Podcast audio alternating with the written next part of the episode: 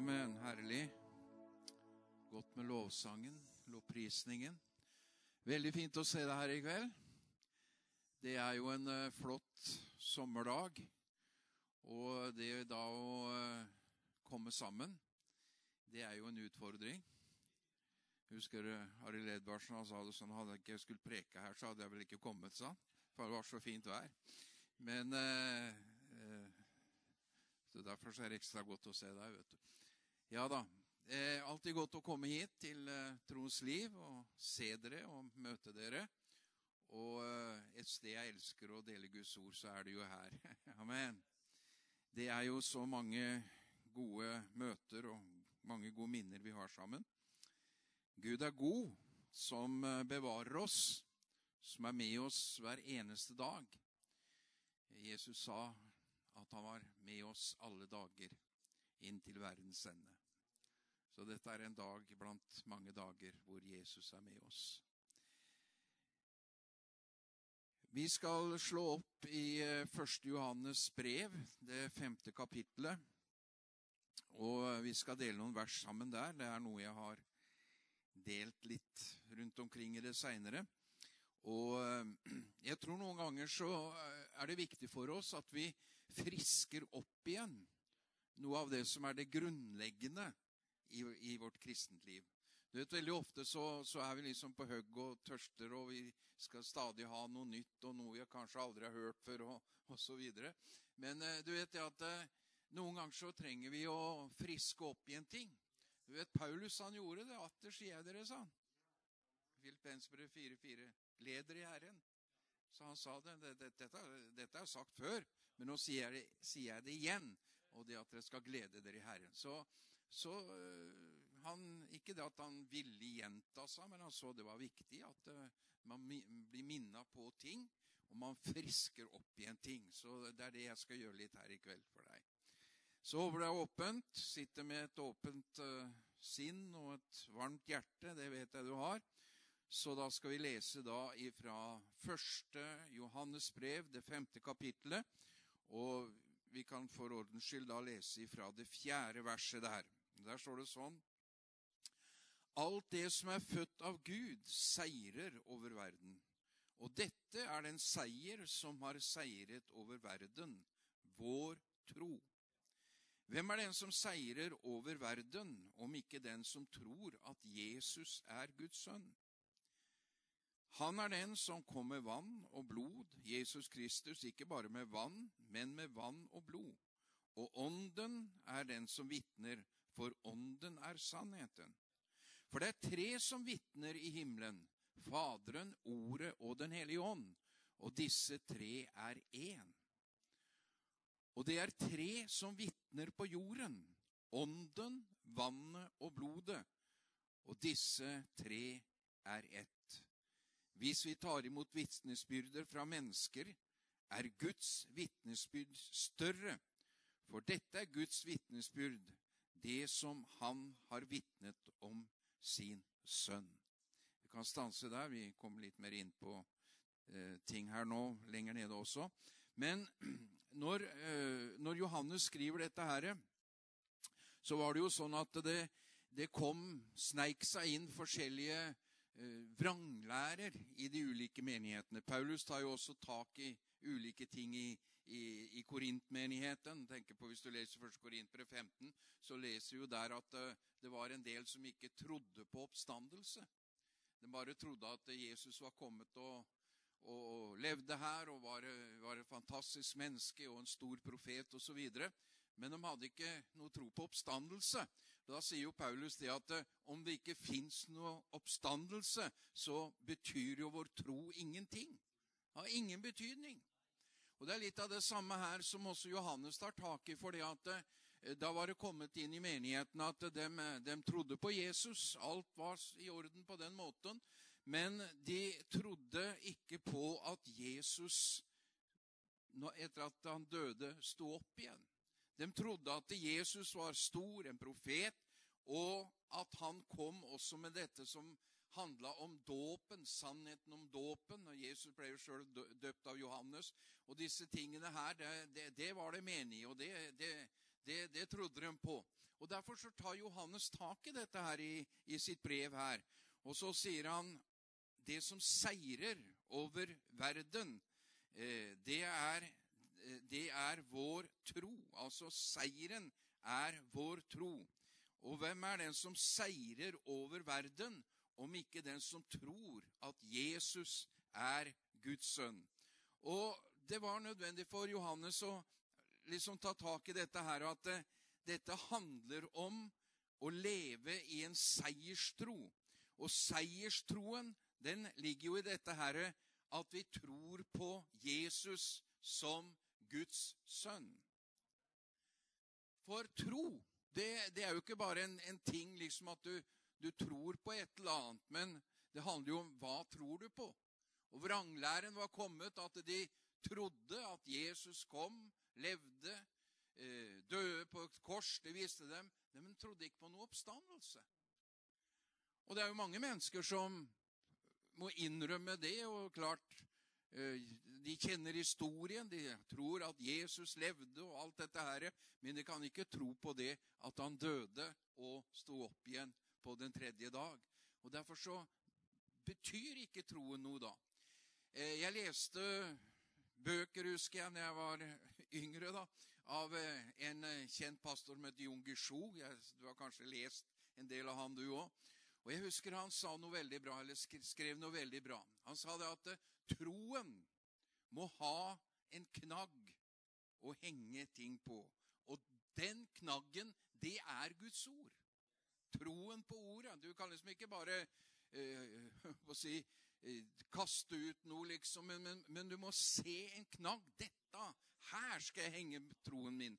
Dette skal jeg tro på. Så tro, det er jo samtidig som det er en gave, så er det også noe vi opplever i Den hellige ånd. Paulus sier jo at vi har jo den samme tro, sier han. Og det er jo sterkt. At du sitter der og jeg står her, og så har vi den samme troen som Paulus hadde. Så, så troen er jo noe som vi har, som vokser, som kommer. Det er en knagg. Ordet er knaggen vi henger troen på. Eh, når eh, når Johannes skriver dette her, så skriver han om den tro som seirer over verden. Og det er den, det er den som tror at Jesus er Guds sønn. Så er det jo troen på Kristus, det er jo troen på Jesus, som gjør hele forskjellen. Og Da leser vi videre her at han, altså Jesus, han er den som kom med vannet og blodet Jesus Kristus, ikke bare med vann, men med vann og blodet. Og ånden er den som vitner, for ånden er sannhet. Og Her er det tre ting som handler om, og som det står som en overskrift i en del bibler, så står det Guds vitnesbyrd om sin sønn. Altså Gud vitner om sin sønn. Altså han, Gud taler gjennom Johannes her om hvem Gud, eh, Guds sønn er. Og han sier at Jesus Kristus, han er den som kom med vannet. Altså, vannet, det er dåpen. Og han kom med blodet, det er forsoningen. Og ikke bare med vann og, med, med vann og blod, men også med ånden. Og ånden er den som vitner, for ånden er sannhet. Og Det er det vi skal stanse litt for i kveld. Det er disse tre tingene som handler om vannet og blodet og ånden. Eller ånden og blodet. Det, det, det kommer liksom som du leser disse her litt forskjellige rekkefølger her. Men det går ut på tre, for det står det at eh, For det er tre som vitner i himmelen. Og det er interessant. Og det er Faderen og Ordet og Den hellige ånd. Og disse tre er én. Så her ser vi, her ser vi på en måte en, en treenighet. For Faderen er jo Gud, ordet er jo Jesus, og så er det Den hellige ånd. Så her ser vi treenigheten. Og det, det derre uttrykket møter vi noen ganger, at det, det, finnes altså en himmel, det vet vi, men i himmelen, der Gud er, der Jesus er, der er det slik at det, dem også vitner i himmelen. Det er et vitnesbyrd i himmelen som på en måte også er her på jorden. Altså er i Guds menighet er i deg, er i meg, som har en veldig stor betydning. Så det vitner, det taler i himmelen, altså eh, Faderen, han taler i himmelen. Ordet, Jesus taler i himmelen. Og Den hellige ånd taler også i himmelen. Og de er ett. Og det er tre som vitner på jorden, står det. Akkurat som det er tre som vitner i himmelen, så er det tre også som gjenspeiler det her på jorden. Og det er ånden, og det er vannet, og det er blodet. Og Det er disse tre tingene som jeg skal stanse litt ved. Det som vitner i våre liv. Vi, tenker gjerne det å eh, vitne eller ha et vitnesbyrd, så handler det mye om det jeg har opplevd. Og det er klart, eh, jeg hører noen vitner som sier dem at uh, jeg var sånn og sånn, og så møtte jeg Jesus, og ble jeg frelst og sånn. Og det er jo et herlig vitnesbyrd. Det, er ikke det det er snakk om. Men det er viktig å få tak i det grunnleggende som, som er ditt vitnesbyrd. Friske det opp igjen. For du har sikkert hørt det jeg preker om her i kveld sikkert mange ganger før. Men jeg har kjent at det, det er liksom som Gud har vært på meg og sagt at det, det er ting som må friskes opp igjen. For når du frisker det opp igjen, så er jo det vår fornyelse. Dette at vi ser Å, er det sånn det er? Er det sånn det er? Ja, det er nettopp sånn det er. Og Det første vitnesbyrdet som vi leser om her, eller som vi stanser ved her, det er, det er ånden. Tre vitnesbyrd i våre liv som er ånden, som er vannet, og som er blodet. Det første er ånden vitner i meg. At jeg er et Guds barn. Det er herlig, altså. For det det å bli en kristen det handler jo ikke om at ja, nå har jeg bestemt meg, nå blir jeg en kristen. Ja, det er vel og bra. Jeg begynner å gå i en kirke, og ja, det er veldig bra. Jeg begynner å synge i et kor, og alt dette her er veldig bra. For sånn, sånn hadde jeg det en gang. at Jeg, jeg syntes det var veldig bra alt sammen. Men så forsto jeg, og jeg hørte noen fortelle, at når de tok imot Jesus, så skjedde det noe innvendig. Og det er jo det som er åndens vitnesbyrd. Det er jo nettopp det som står i Johannes 1,12 hvor det står at alle dem som tok imot ham, dem gav han retten til å bli Guds barn. Og De er ikke født av kjød eller av manns vilje, men de er født av Gud. Og hør her Det Den hellige ånd har gjort i deg, og det Den hellige ånd har gjort i meg, det er at han har gitt oss en ny fødsel. Du er en ny skapning i Kristus Jesus. Og Jesus sa til Nikodemus, som vi leser om i Johannes 3, så sier han til Nikodemus, som han spurte, hva skal jeg gjøre for å eh, komme inn i Guds rike, se Guds rike, oppleve, få tak i det? Så sier Jesus, du må fødes på ny. For om du ikke fødes på ny, så kan du ikke se Guds rike. Og Det var jo vanskelig å forstå, for man, man kan jo ikke gå inn i mors liv igjen og så fødes på nytt igjen. Nei, det er snakk om en åndelig fødsel en åndelig fødsel, det er at eh, du er jo et åndsvesen. Inni deg er du ånd, du har sjel, og du bor i et legeme. Så du vet at eh, når du blir frelst, og du blir født på ny, så flytter Den hellige ånd inn i deg. Det er slik Jesus, som vi sier når du hørte på søndagsskolen, Jesus kommer inn i ditt hjerte. Og det er veldig vanskelig for et barn å skjønne det. vet du. Og kan, hvordan kan Jesus få plass der? det lille hjertet? Jo, Jesus får plass der, skjønner du, for han kommer med Den hellige ånd. Og Jesus talte om Den hellige ånd, så sier han at Den hellige ånd, den er i dere, og den er hos dere. Den er i dere, og den er hos dere. Det er, det, det er en fantastisk åpenbaring, egentlig. Hadde, vi hadde en restkapellan, en prest på Notodden, som heter Ravn Karlsrud. Han vitna om dette etterpå, så det er ikke farlig at det sier navnet hans og vitnesbyrdet hans. Vi hadde fellesmøter, og da, eh, da hadde vi et bønnemøte i, i predikantringen der. Vi hadde besøk av Arnfinn Klemensen, og han talte frimodig om salvelsen, om Den hellige ånd osv. Så, videre. så Så det, det ble en veldig lengsel i denne herlige broderen. Og da, da, vi hadde et bønnemøte, vi predikanter, da, så møtte Gud ham. Og han ble så fylt av Den hellige ånd, så han begynte å prise Gud i nye tunger. vet du. Presten, det var, det var, så herlig. vet du. Det er herlig at folk blir døpt i Den hellige ånd, men du verden når sånne eh, høyteologer blir, blir, døpt i Den hellige ånd. altså. Og så sier han det at eh, 'Jeg har ikke sett det før', sa han. For da, da, vitner han om opplevelsen. 'Jeg har ikke sett det før', sa han. 'At Den hellige ånd er i meg, og den er hos meg'. Jeg trodde det var enten eller, liksom at Den hellige ånd den er hos oss. Ja vel. Nei, men Den hellige ånd, den er i deg. Og Den hellige ånd, den er hos oss her i kveld. For Den hellige ånd, den vitner med din ånd, står det. Den hellige ånd gjør at du er et, en ny skapning. Du er født på ny. Du er et Guds barn. Det er fantastisk. Det er nesten som man har lyst til å si halleluja. vet du. Vi får holde litt på det. Men du vet jo at det, det er noe så fantastisk som skjer i frelsen. Og når du opplever den frelsesopplevelsen, så ser du en ny verden. Du forstår og du kjenner Den hellige ånd er i mitt hjerte.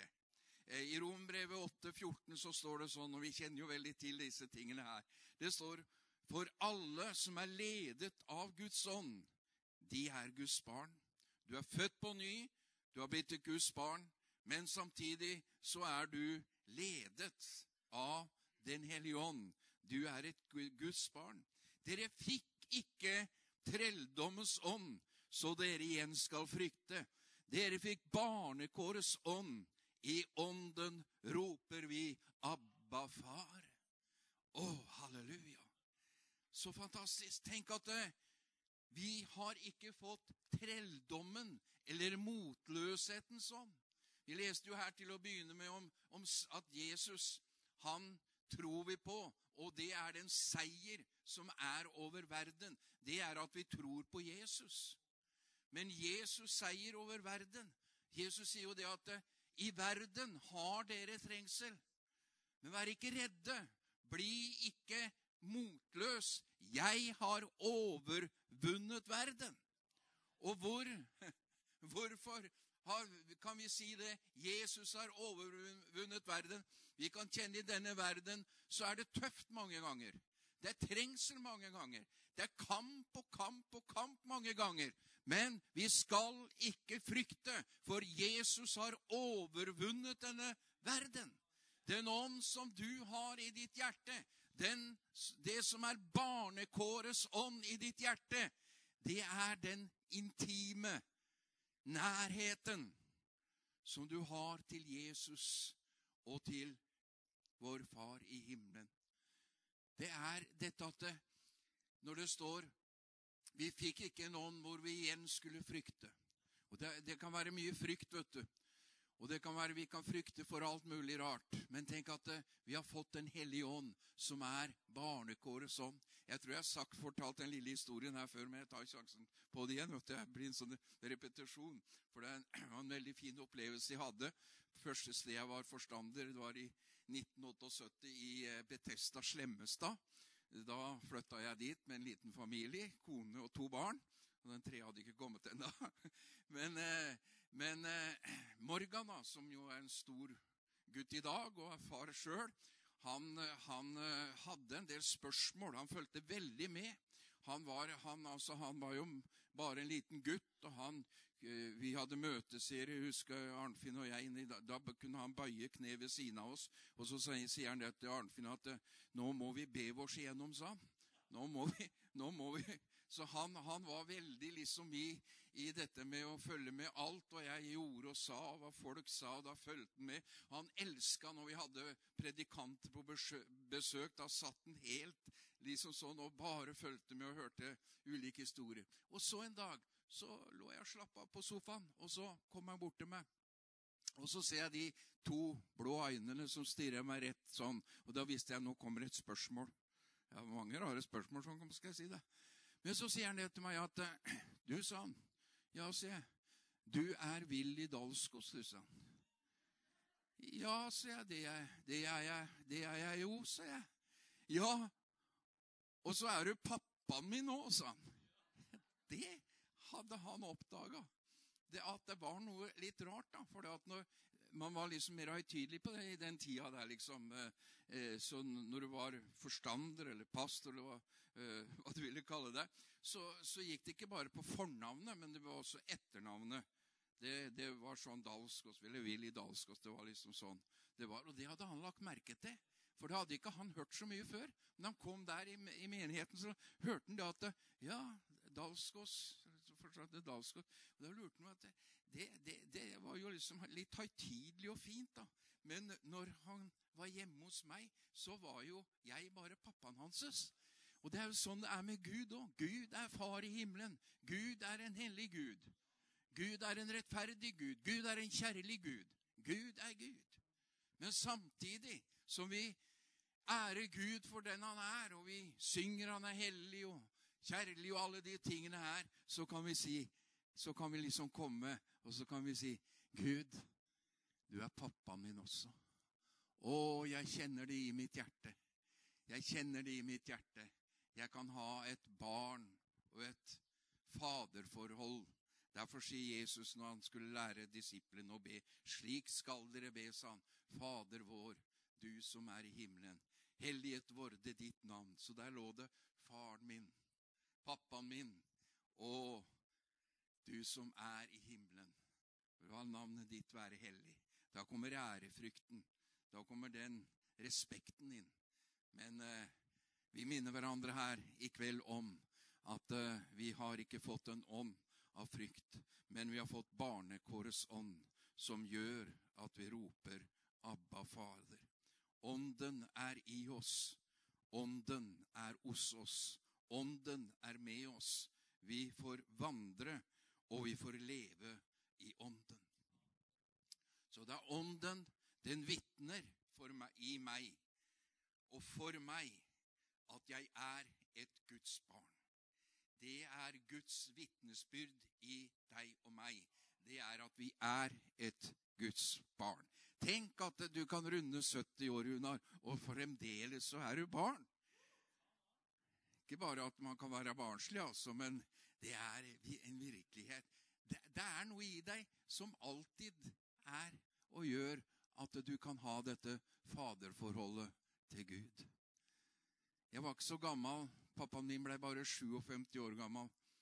Og Det var noe av det tøffeste jeg opplevde i livet mitt, for det var så uvirkelig å miste han. han det gikk så fort, liksom. Så brått. Og da, da skjønte jeg egentlig hva jeg hadde mista. Noe så dyrebart, noe så godt. Men samtidig så hadde jeg tatt imot Jesus. Jeg var blitt en kristen, jeg tjente Herren. Og jeg visste, tenk at uh, jeg er ikke faderløs. Jeg har en far i himmelen. Og jeg fikk etter hvert, som en kristen, også mange fedre. For Paulus sier at det er mange læremestere iblant dere, men det er få fedre. Men når vi får og kjenner Den hellige ånds vitnesbyrd i våre hjerter, så kan vi både være barnet, og vi kan være den som kan være far og mor. Amen. Så ånden vitner i deg at du er et Guds barn. Og den vitner i deg, og den har Abba-ropet i deg. Det er vel kanskje ikke sånn lenger at man roper høyt Abba, men det var en del av før i tida. Jeg Skal ikke komme så mye inn på det, men det, det, det var noe som de kjente. Det var ropet i sitt hjerte. Det neste som vi leser om, det er som vitner. Det står at det er tre som vitner Eh, på jorden. Altså her nede så er det tre som vitner, men det er Guds vitnesbyrd om Sønnen. Det er ånde, ånden, og så er det vannet. Og det trodde de på, at Jesus kom med vannet. At Jesus kom med dåpen, at dåpen, eh, den dåpen Johannes hadde, omvendelsens dåp, den var nødvendig, og den var viktig, for da gikk man fra noe og til noe. Man omvendte seg fra noe og omvendte seg til noe. Og alle de tingene var viktige. Også når Jesus døpte seg, så kom det jo en stadfester fra himmelen at eh, en due kom over ham, og Gud sa at 'dette er min sønn, den elskede, hør ham'. Så dåpen Så de, de, de, de, så det, og de trodde på det. Han kom med noe. Han, han var en profet. Han kom med noe. Han kom med vannet. Og det er veldig interessant, fordi at det å bli frelst og det å bli født på ny, det gjør at man også vil kommer til det punktet hvor han ser dette betydningen av dåpen. Og Det vet ikke, vet ikke jeg åssen det er unna, men jeg, jeg iallfall opplever at vi, vi, hører ikke så ofte om det. Det er ikke det at jeg går så, jeg har så ofte møter sjøl, eh, så jeg, jeg, har ikke anledning til å, til å gå og høre så mange. Men jeg, jeg, tror noen ganger at dette med dåpen, det, det har blitt litt sånn ikke, ikke diffust akkurat, men man, er, man, ser kanskje ikke behovet og viktigheten av det. Betyr det hvilken dåp jeg døpes med? Hvordan er dette med vannet? Hva, hva, hva, hva betyr dette egentlig, dette med dåpen? Det står jo at det er et vitnesbyrd også i vannet. Og dåpen er jo et vitnesbyrd om hva du har tatt en beslutning for. Hvilken vei du vil gå. For uh, det ligger i misjonsbefalingen at vi skal gå ut, og vi skal gjøre alle folkeslag til hans Jesu disipler idet vi døper dem i Faderen, Sønnen og Den hellige ås navn. Det står ikke at vi bare skal gå ut og vi skal vitne og vi skal vinne mennesker, men det står at vi skal vinne dem, og vi skal lære dem, og vi skal døpe dem. Så dåpen hører med i hele frelsesprosessen. Og så jeg skal komme litt tilbake til det, men vi sier jo gjerne det at eh, det er ikke frelse i dåpen. Det står at hver den som tror og blir døpt, skal bli frelst. Men samtidig så vet du at det er ikke frelse i dåpen, for det, det, det, det sier jo Peter. At det er ikke en, en, frelse i den, men det er en god samvittighetspakt med Gud. Det er ikke frelse i dåpen, men dåpen er frelsende. Tar du den? Er du med på det? Altså, du, Det er ikke sånn at når du har blitt frelst og født på ny, så, så, så må du liksom Da må du bare få døpt deg, liksom. Det er ikke det det handler om. eller Det betyr ikke så mye, for uh, nå er jeg frelst. Jo, det betyr veldig mye. Veldig mye. For dåpen er et sterkt vitnesbyrd både for ditt egen del men også først og fremst et vitnesbyrd for verden. I eh, Kolossensebrevet 2, 11 og 15 så står det Da dere ble begravet med ham Nå kommer det her hva dåpen er for noe. Det står jo også i Rombrevet 6, hvis du vil studere dette mer hjemme. Så står det Da dere ble begravet med ham i dåpen, og i den ble dere også oppreist med ham i troen på Guds makt ham som oppreiste ham fra de døde.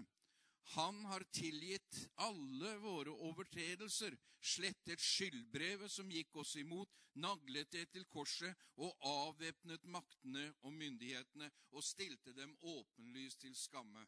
Han viste seg som en seiersherre på korset. Da vi blei begravet med han Nå hørte vi om begravelse her i stad. Og du vet, En begravelse det er jo da at noen, noen har dødd. Da har vi begravelse. Når vi ble frelst, så står det at vi døde med Kristus.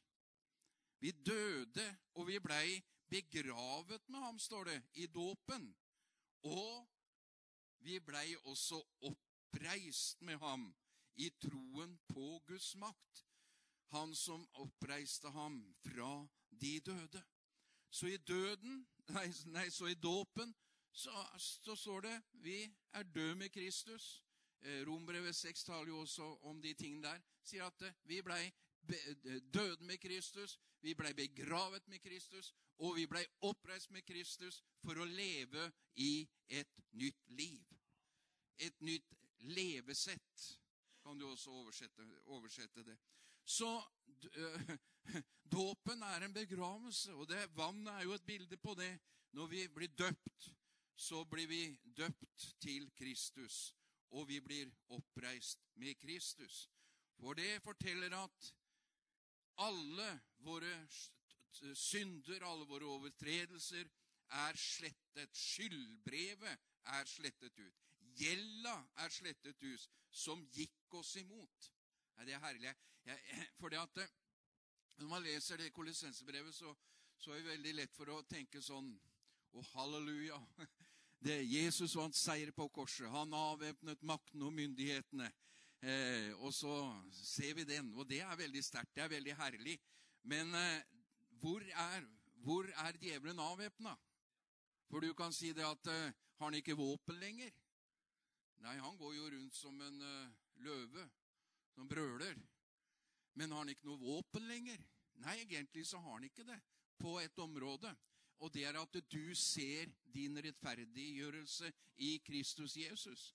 For om ikke du ser Golgata, for ikke du ser at du ved dåpen er død med han og oppreist med ham, så vil du, kan jo djevelen komme og si ja, men du, du, skylder, jo, jo mye, du. Du er jo en så dårlig kristen.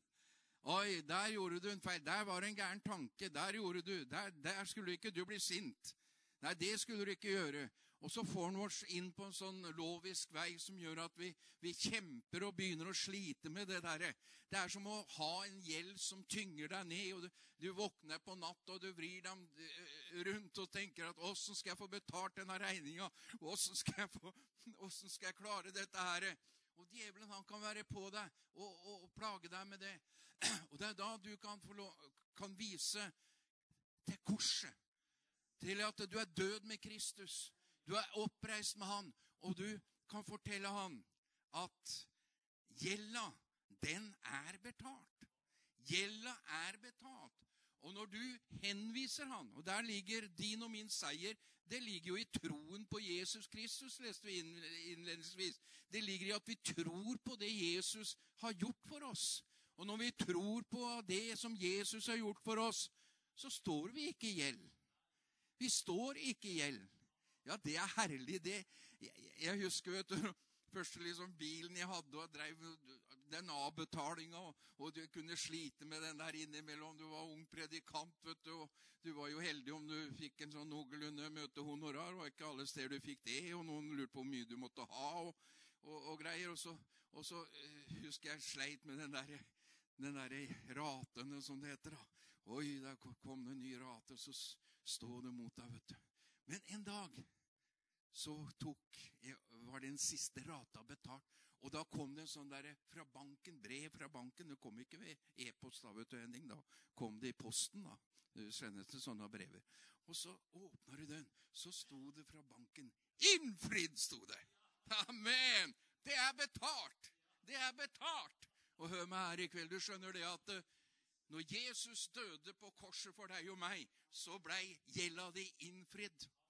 Ja, men jeg er en dårlig Ja, men det er innfridd. Du, din seier ligger i tro på Jesus. Og du tror virkelig på det. At der er seieren. Det er innfridd. Han er avvæpnet maktene og myndighetene. Der er avvæpningen. At vi er rettferdiggjort i Kristus Jesus. Nå hadde jeg veldig mye jeg skulle sagt akkurat på det punktet, men jeg skal ikke, jeg skal ikke ta deg med så veldig mye videre. Men bare understreke at dåpen er en begravelse. Du døde med Kristus, du er oppreist med Kristus. Det er et vitnesbyrd for verden. På samme måte, sier 1. Peter 3, 18, så kan du lese om at eh, dåpen er også en god samvittighetspakt med Gud. Og Der bruker Peter et bilde på dette som har med Noas ark å gjøre. Du har sikkert lest det. Hvor Eh, det står at på samme måten er dåpen som det er med Noas ark. At når vannet kom, så blei det frelst åtte sjeler, eller åtte mennesker, igjennom, igjennom ark, Noas ark. Det kjenner vi til. Men når Peter eh, sier det, så sier han jo at Jesus, når Jesus døde på korset, så gikk han, altså hans ånd gikk ned i dødsriket. Og der talte Jesus Det er underlig å lese de tinga der, men det står faktisk det. Da talte Jesus til de åndene som var i varetekt. Som altså venta på en slags dom da til Jesus kom. Men det var noen som ble frelst der. Det var åtte sjeler som ble frelst igjennom Noas ark. Og til motbildet, da, sier, sier eh, Peter, så har vi dåpen. Dåpen, så sier han, det er ikke en direkte frelse i dåpen, men dåpen er en god samvittighetspakt med Gud. Så, eh, så du kan si det at eh, det fortel, Dåpen forteller deg at du har tatt en avgjørelse. Du tilhører ikke lenger denne verden. Du tilhører ikke lenger bare deg sjøl, for å si det sånn, men du tilhører Jesus. Du har blitt, som Paulus sier, du har blitt trolovet med Kristus. Det er vel ærlig å tenke på. Du er trolovet. Når du blir tro, trolovet, så får du ring på fingeren. vet du. Og den ringen den får, Nå har ikke jeg den ringen. ja, jeg tror jeg har ringen enda, ja, men eh, den, den har jeg hatt.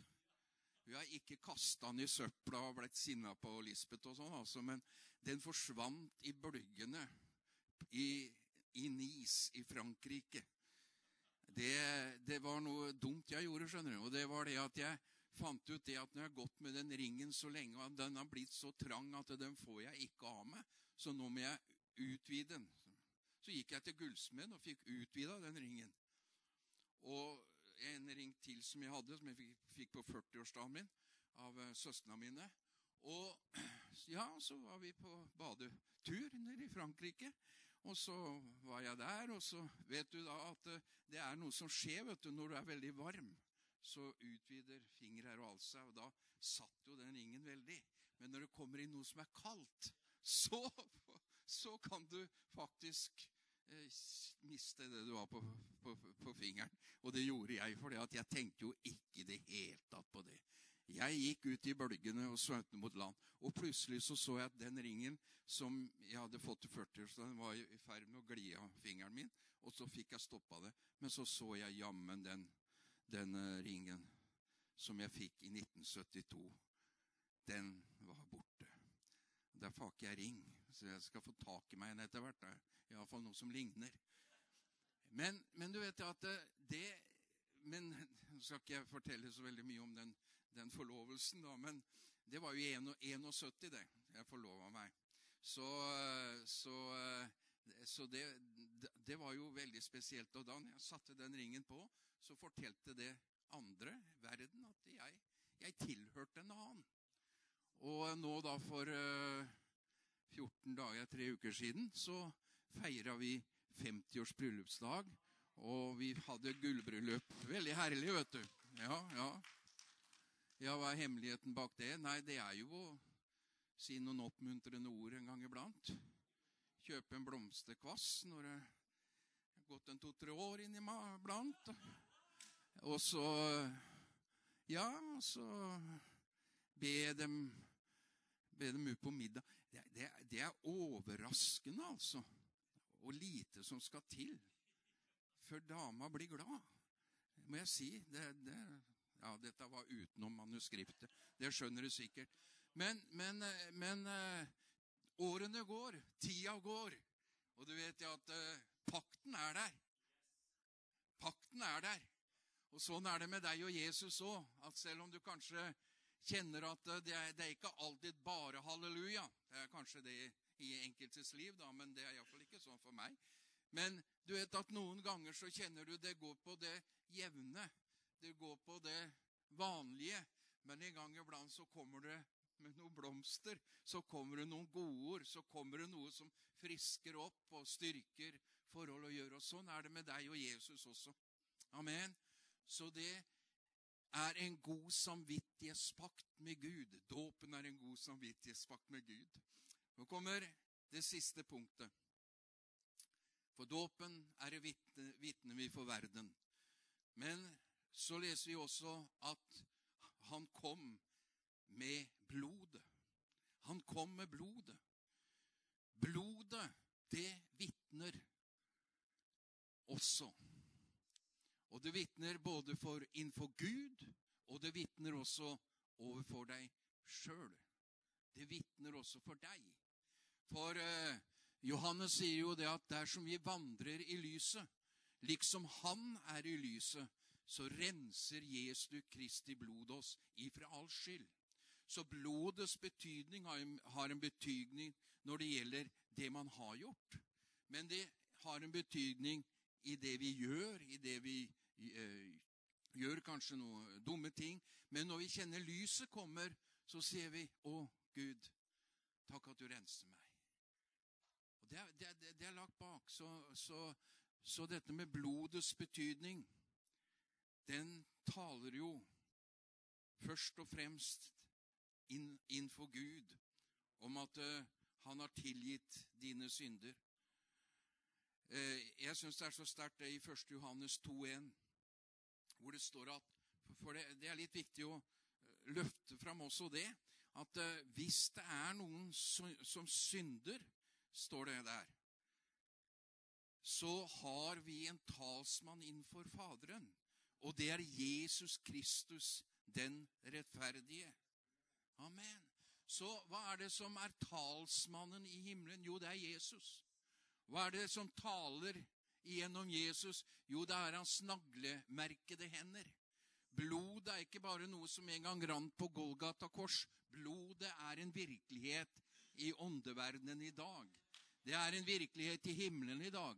Derfor så, så, kan vi komme med frimodighet innenfor nådens trone fordi at Jesus har gått foran. Ikke med blod av bukker og kalver, sier brevbrevet, men med sitt eget blod så gikk han inn i det aller helligste, og han fant og han vant en evig forløsning. Amen. Så det, det er så sterkt, for Hebrevbrevet 10 sier jo også det at eh, det står at Eh, Jesu blod, det taler sterkere eller Abels blod. Og du vet, Abels blod Du kjenner historien. Kain og Abel, de første menneskene, brødrene, hvor eh, Abel bar fram et bedre offer for Gud, og Kain blei harm og misunnelig, og han slo i hæl broren sin. Og Da står det at det blodet som fløt på marken da, det ropte til Gud. Det ropte til Gud. Hør her. Når Jesu blod fløt på Golgata kort, på samme måten hvor Abels blod ropte om rettferdighet, så ropte Jesu blod om fullkommen rettferdighet overfor menneskeheten, overfor deg og meg. Det var ikke bare om, om en hevn, men det var om rettferdighet. Derfor så kan vi lese i Rombrevet 3, 23 og 25. Alle har syndet og mangler Guds særlighet, men de blir rettferdiggjort ufortjent av Hans nåde. Ved forløsningen, den som er i Kristus, som blei stilt fram som et soningssted ved Hans blod. Så Jesus han taler igjennom sitt blod i himmelen han taler om at blodet, det renser fra all synd. Han taler om at det er helt ufortjent at vi blir rettferdiggjort, men vi blir det bare av nåde. Halleluja. Så blodets betydning handler om at blodet vitner innenfor Gud at det er et fullkomment offer, og rettferdiggjørelsen fra Gud, den er også fullkommen. Eh, Paulus sier i, i andre, andre Korinterbrev er det 5.18 eller noe sånt, hvor det står det at vi er nye skapninger i Kristus Jesus, så, så står det jo det at vi har fått del, eller vi har fått Guds rettferdighet. Vi har fått Guds rettferdighet. Vi har ikke lenger vår egen rettferdighet, men vi har fått Guds rettferdighet. Vi har fått den rettferdighet som Jesus har tilveiebrakt. Så eh, vi tror på det. Vi tror på Jesus. Vi tror på at han ga sitt blod for oss. Det blod som Jesus ga for meg en gang på Golgata, synger vi om. Det når der. Det når deg når du er på høyden. Amen. Amen. Å, du kan ikke komme høyere, skjønner du. Blod er alltid høyere. Blod er alltid høyere. Det når deg når du er på dypet på dalen. Å, du er langt nede. Å, du er langt nede en dag. Du kjenner du ikke får det til. Du makter ikke. Du føler deg som mislykt. Men du vet, det blodet når deg når du er også på dypet. Halleluja. Det er det blodet som Jesus ga for deg på Golgata kors. Gud sier, vi leser jo det i, i, uh, i i første hva skal jeg si, Jo, første Mosebok. Andre Mosebok 12. Andre Mosebok 12. Så leser vi om påsken, ikke sant, som betyr forbigang. Hvor Gud sier til Egypten når dommen går igjennom, når jeg ser blodet, så går jeg forbi. Blod, Jesu blod taler om vår rettferdiggjørelse i Kristus. Jesu blod taler om at Guds dom går forbi oss. Og Gud sa, og engelen sa, når han ser blodet, så går han forbi. Det var ikke fullkomne mennesker, men de trodde på Jesus Kristus. Der lå seieren. Der lå seieren. Jesus gikk inn i det himmelske, det aller helligste, med sitt eget blod, og han vant en evig forløsning. Hebrevbrevet 9,11. Og det skal jeg avslutte med og si at det var det Jesus forløste på pinsedag. Det var nettopp blodet som fløt.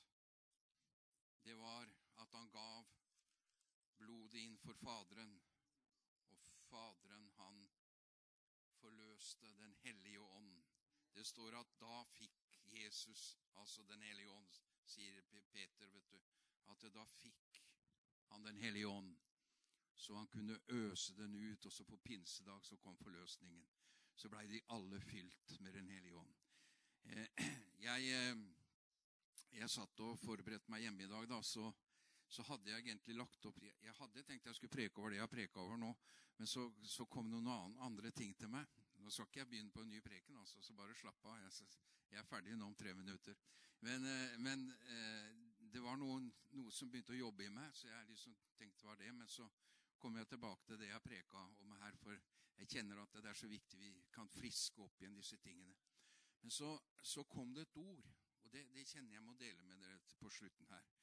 Eh, og det høres kanskje litt rart ut da, når man har preka det man har preka, men jeg, jeg, kjenner at det, det er, ligger noe i, i, i ånden min, i, i, det profetiske her, hvor, hvor når vi oppdager disse tingene her, enkle tingene, som vi har delt sammen her i kveld, så tror jeg vi kommer virkelig inn i det som Gud har for oss. Og høysangen Jeg har vært litt inne på kjærlighet og ekteskap og litt forskjellige ting her. Men du vet, det er en fantastisk bok hvor bruden taler til brudgommen. Og, og, og også hvor du liksom kan lese disse tingene. Og da står det i Høysangen 2,19. Og vær med og be over det ordet som vi kommer til nå snart. Så står det Min elskede tar til orde og sier til meg, Stå opp, min kjæreste, du min skjønne, og kom av sted. For se, vinteren er forbi, regnet er over og borte, blomstene kommet til syne på jorden. Sangens tid er kommet, og turtelduenes kurring høres i vårt land. Og midt i all den trengsel, alt det vi står i, opplever Jeg tenker på Europa i dag. jeg tenker på Det er så mange ting som vil presse oss ned og være med å ta ifra oss den seier som vi tror på, og at vi skal få se i slutten før Jesus kommer igjen. For Gud har sagt 'Jeg vil øse ut Den hellige ånd over alt kjød'. Det er mange flere mennesker som skal bli frelst. Så kjente jeg det der det tok meg. At jeg må si For det er så altså, du, du, leser jo aviser og alt dette her og ser nyheter, og hele tida så blir vi bombardert med de negative ting.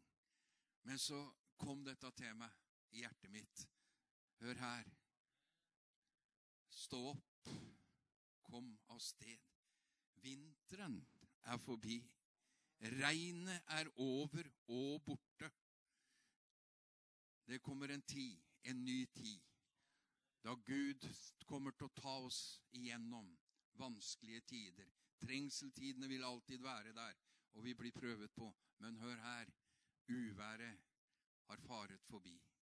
Blomstene kommer til syne i landet. Ser du det? Blomstene kommer til syne. Sangens tid er kommet, og turtelduens kurring høres i vårt land. Gud, kjære Gud, la det skje. La det komme en ny sang over Norge, over Europa. Gud, stopp krigen i Ukraina. Herre, kom. La oss se at skyene går til sida. La oss se at skyene og regnet drives forbi. Herre, la oss få se at det blir borte. At vinteren er forbi, kaldheten er forbi. Isen smelter. Det er vår. Halleluja. Sangens tid er inne i vårt land. Du har kanskje gått igjennom tøffe tider. Menigheter kan gå gjennom tøffe tider. Men det kommer en ny tid. Og jeg proklamerer over denne menighet, jeg proklamerer det over ditt liv, at sangens tid er inne. Sangens tid er inne i livet ditt. Det er ting som skal bli forandret. Og vi skal friske opp igjen disse sannhetene vi har delt her i kveld. Halleluja, Jesus, vi takker og priser deg for at vi har fått delt ditt dyrebare ord her i kveld. Takk for at du er ordet, Herre. Og takk for du møter oss med et vannbad i ditt ord. Takk at ordet ditt det renser, det skaper. Det møter, det forløser, det setter fri. Jeg ber for den enkelte i kveld. La oss få høre og kjenne i Den hellige ånd at uværet er over. Uværet er over. Skyene drives bort. Vinteren er over. Vi hører fuglene synger. Vi ser blomstene komme. Sangens tid er inne. Sangens tid er inne. Og vi priser deg, Jesus. Takk at vi får stå i det. Takk at vi får tro på det. Takk at vi skal få leve det.